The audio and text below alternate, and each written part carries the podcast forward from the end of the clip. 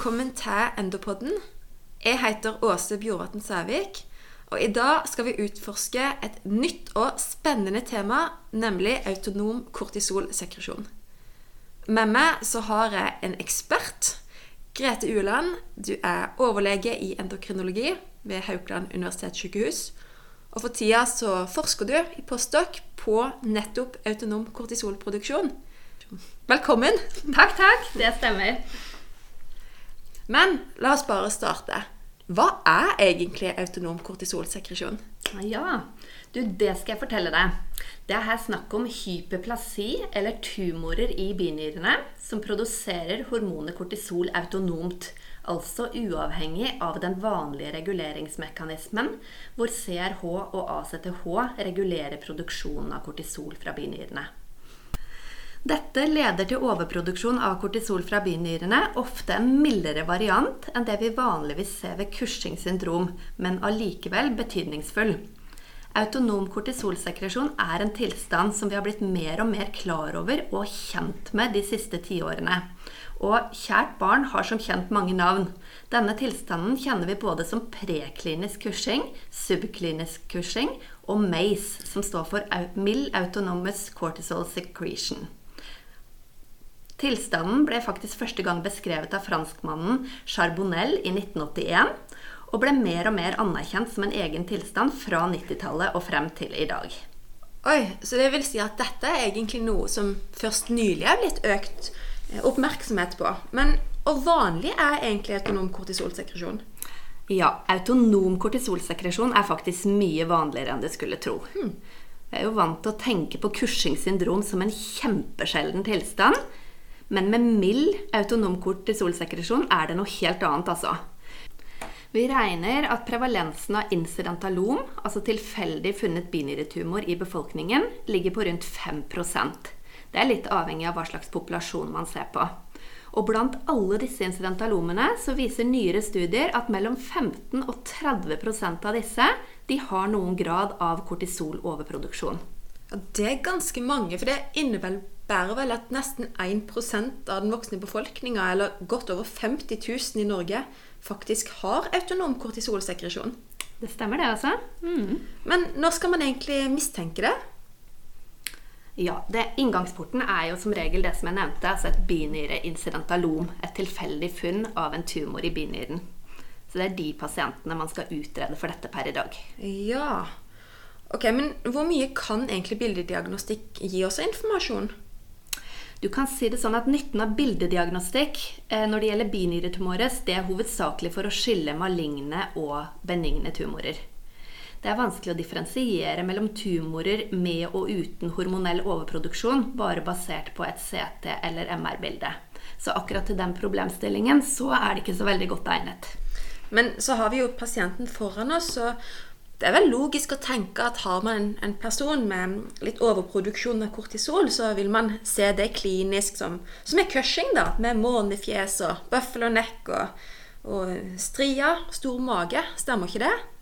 Nja, det er ikke så enkelt som det, altså. Nei. Det er ytterst få av pasientene med autonom kortisolsekresjon som viser typiske Cushing-stigmata, som vi sier. Sånn som du beskriver her. Det vi ofte finner hos disse pasientene, det er én eller flere komponenter fra det metabolske syndrom. Og da snakker jeg typisk hypertensjon, diabetes, overvekt, dyslipidemi, og faktisk også osteoporose er frekvent forekommende hos denne pasientgruppen. Ja, jeg skjønner. Så da er det litt begrensa nytte både av bildediagnostikken og egentlig klinikken. Men hvordan utreder vi autonom kortisolsekresjon da? Ja, Som jeg nevnte i stad, så er jo vanlig inngangsporten det er jo en tumor eller hyperplasi funnet i binyrene. Gjerne da som et incidentalom, et tilfeldig funn. Og ifølge europeiske incidentalom-guidelines så skal alle pasienter som har slike funn i binyrene, screenes for autonom kortisolsekresjon. Uavhengig av hvilken symptombyrde eller hvilket bilde de har. Ja. Ok, Men videre, da. Vi vet jo det at det er mange tester med, som vi bruker utredninger i Cushing, men er det noen som vi foretrekker eller skal styre unna når det gjelder autonom kortisolsekresjon? Det har du helt rett i. Dette er et stort kapittel. Det eksisterer mange tester for hyperkortisolisme. Men vi må huske på at de er validert for utredning av fulminant Cushing syndrom. Ikke for denne mer lavgradige tilstanden med autonom kortisolsekresjon. Så det er visse hensyn å ta, altså. Ofte når vi skal begynne med diagnostikk, så begynner vi med blodprøver. Åssen rolle har serumkortisol her? Ja, serumkortisol hører jo liksom med. Men vi må huske på at serumkortisol det er en eh, prøve som har stor biologisk variasjon.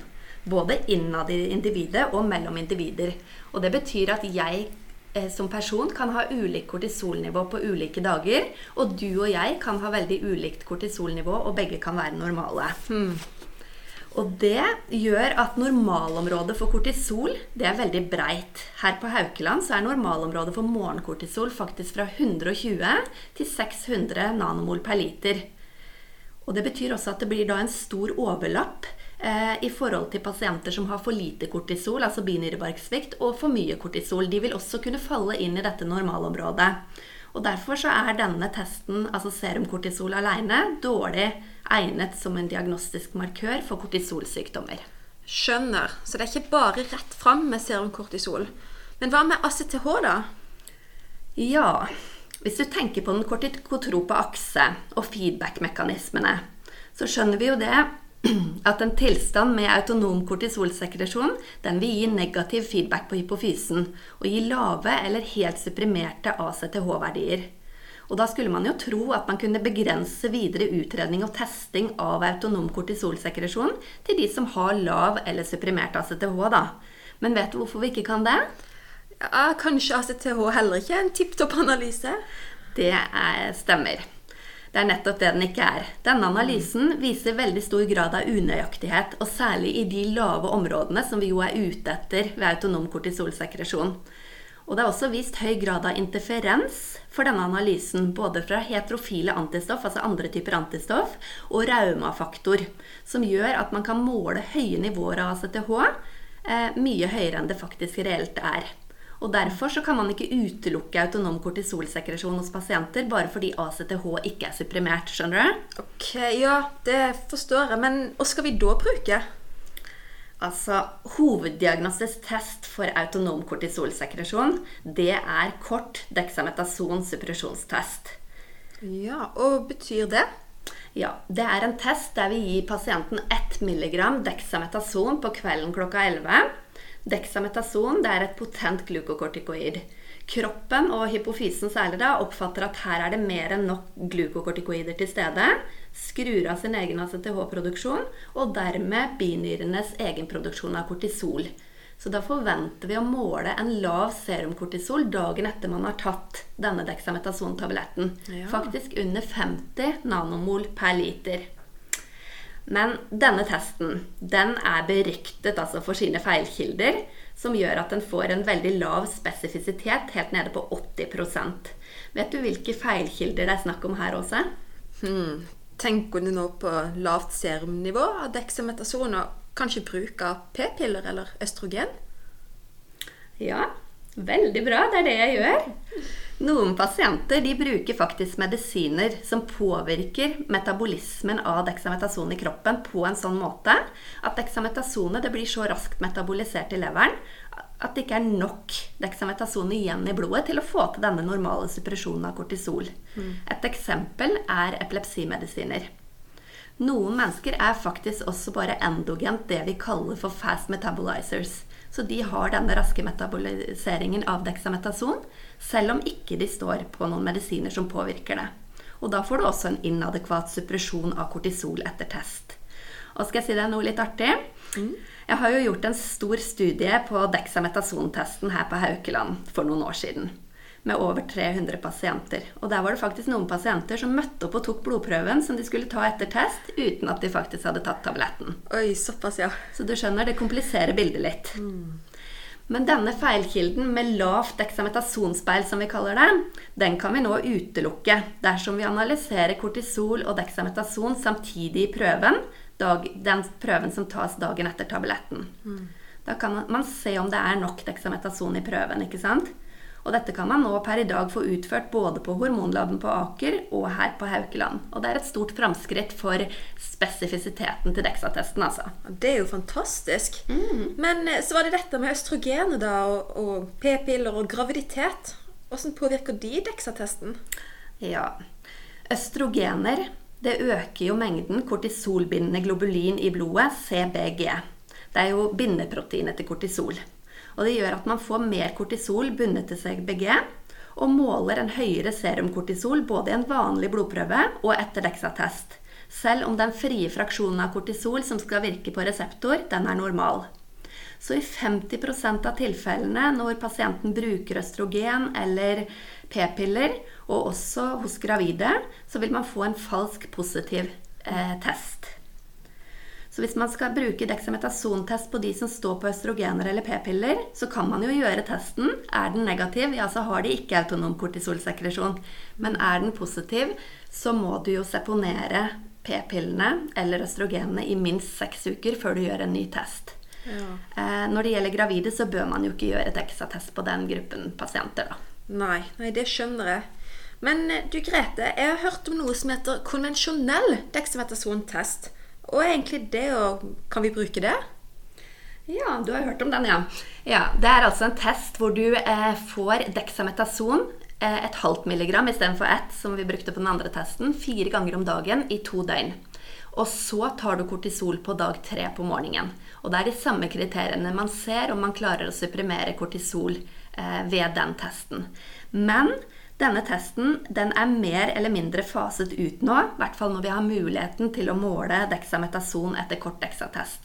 Så hos autonom kortisolsekresjonpasienter så er, eh, har ikke den noe verdi, altså. Men du, hva med spyttkortisol på kveld? For det brukes jo som en screeningtest for Cushing syndrom. Men hvilken rolle har den egentlig her ved autonom kortisolsekresjon? Spyttkortisol på kveld har ingen rolle i denne diagnostikken. Mm. Ikke står det i Incidentalum guidelines heller, men det står, har jo en rolle i utredning av vanlig kursing, som du sier. altså. Eh, men det er mange studier, inkludert våre egne, som har vist at eh, når man bruker spyttkortisol på kvelden for incidentalom-pasienter, så får man mange falskt positive og mange falskt negative tester. Det er liten eller ingen verdi faktisk i denne settingen og blir bare forvirrende. Så glem det. Ok, Da unngår vi spytt. Men hva med urin, da? Jeg har hørt at urinkortisol det er gullstandarden for diagnostikk av Cushing. Men gjelder det òg ved eh, autonom kortisolsekresjon? Oh no, det gjør det ikke.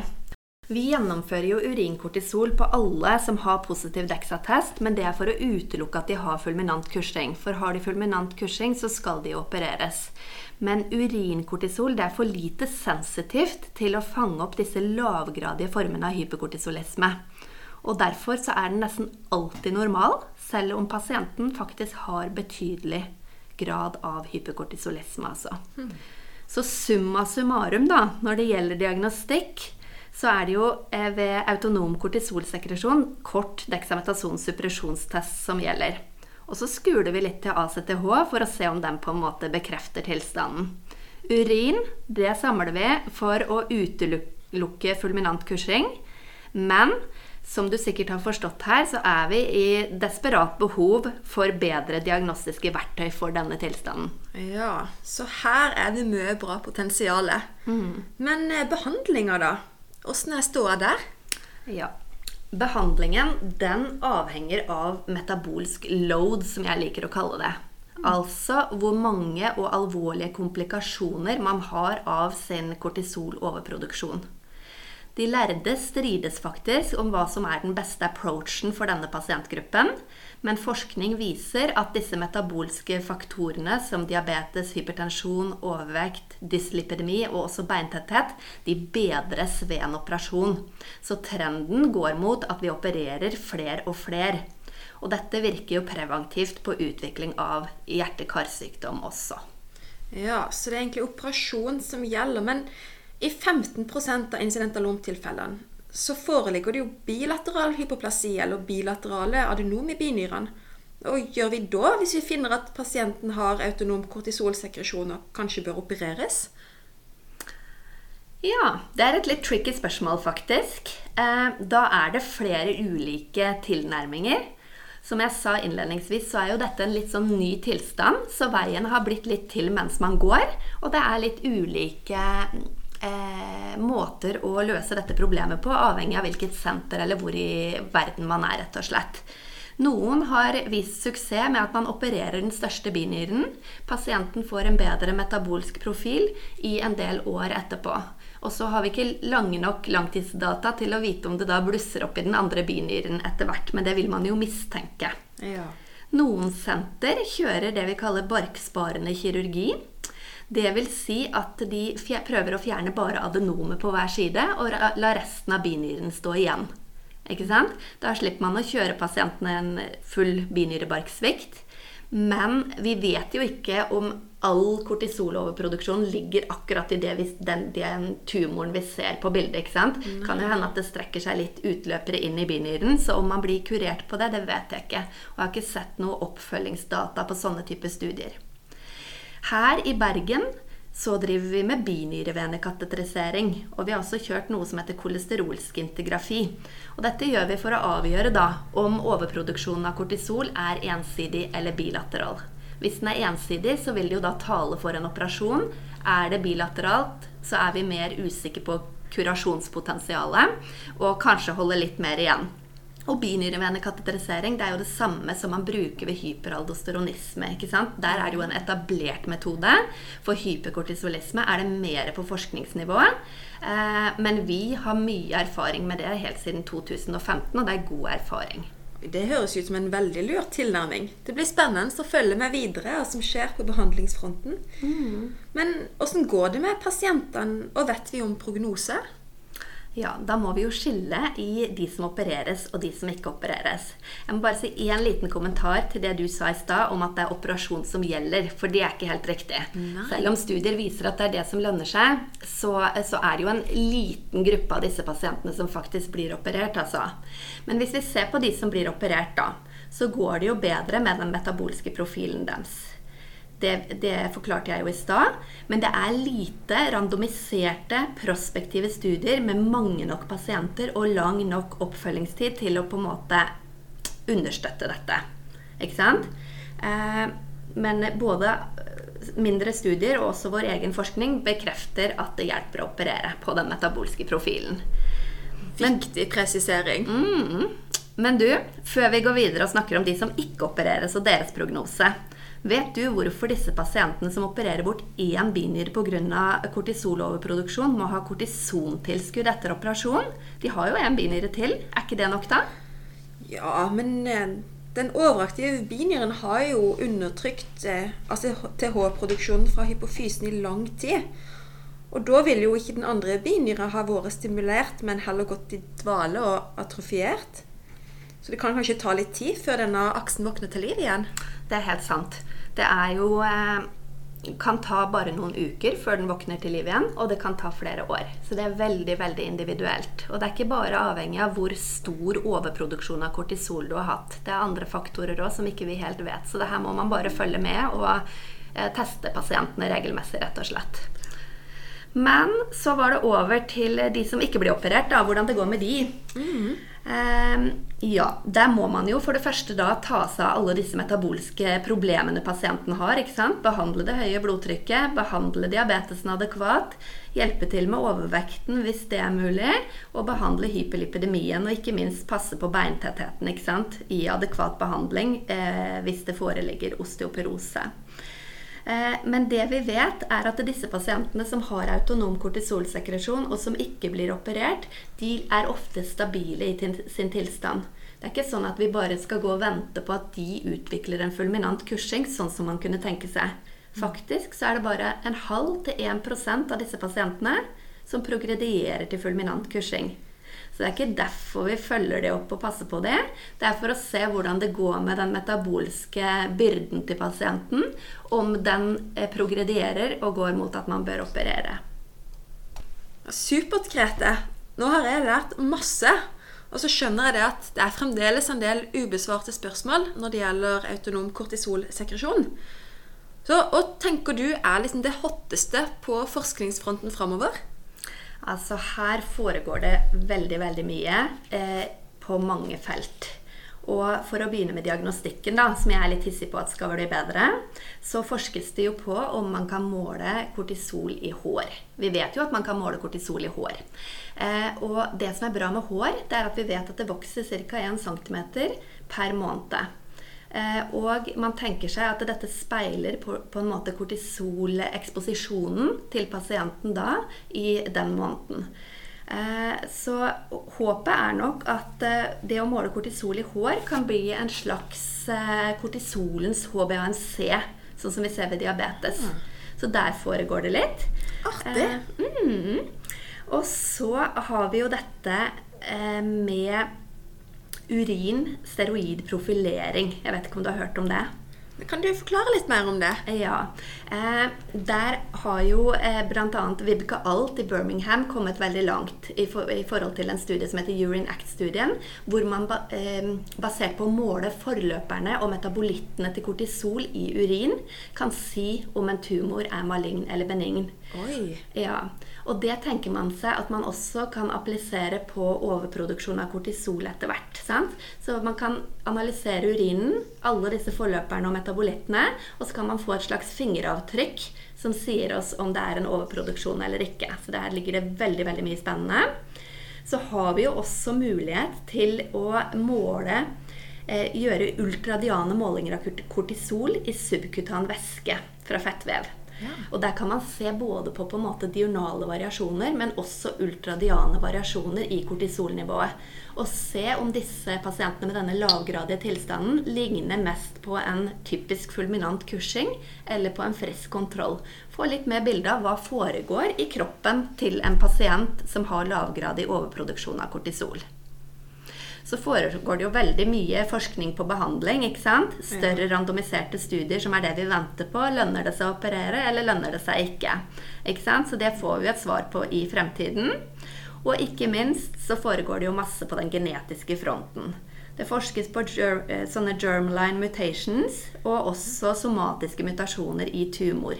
Og dette vil jo gi oss et bilde at kanskje noen eh, i fremtiden bør genetisk testes i forhold til denne tilstanden. da. Men der er det lang vei å gå. Foreligger mye forskning, mye som kommer også.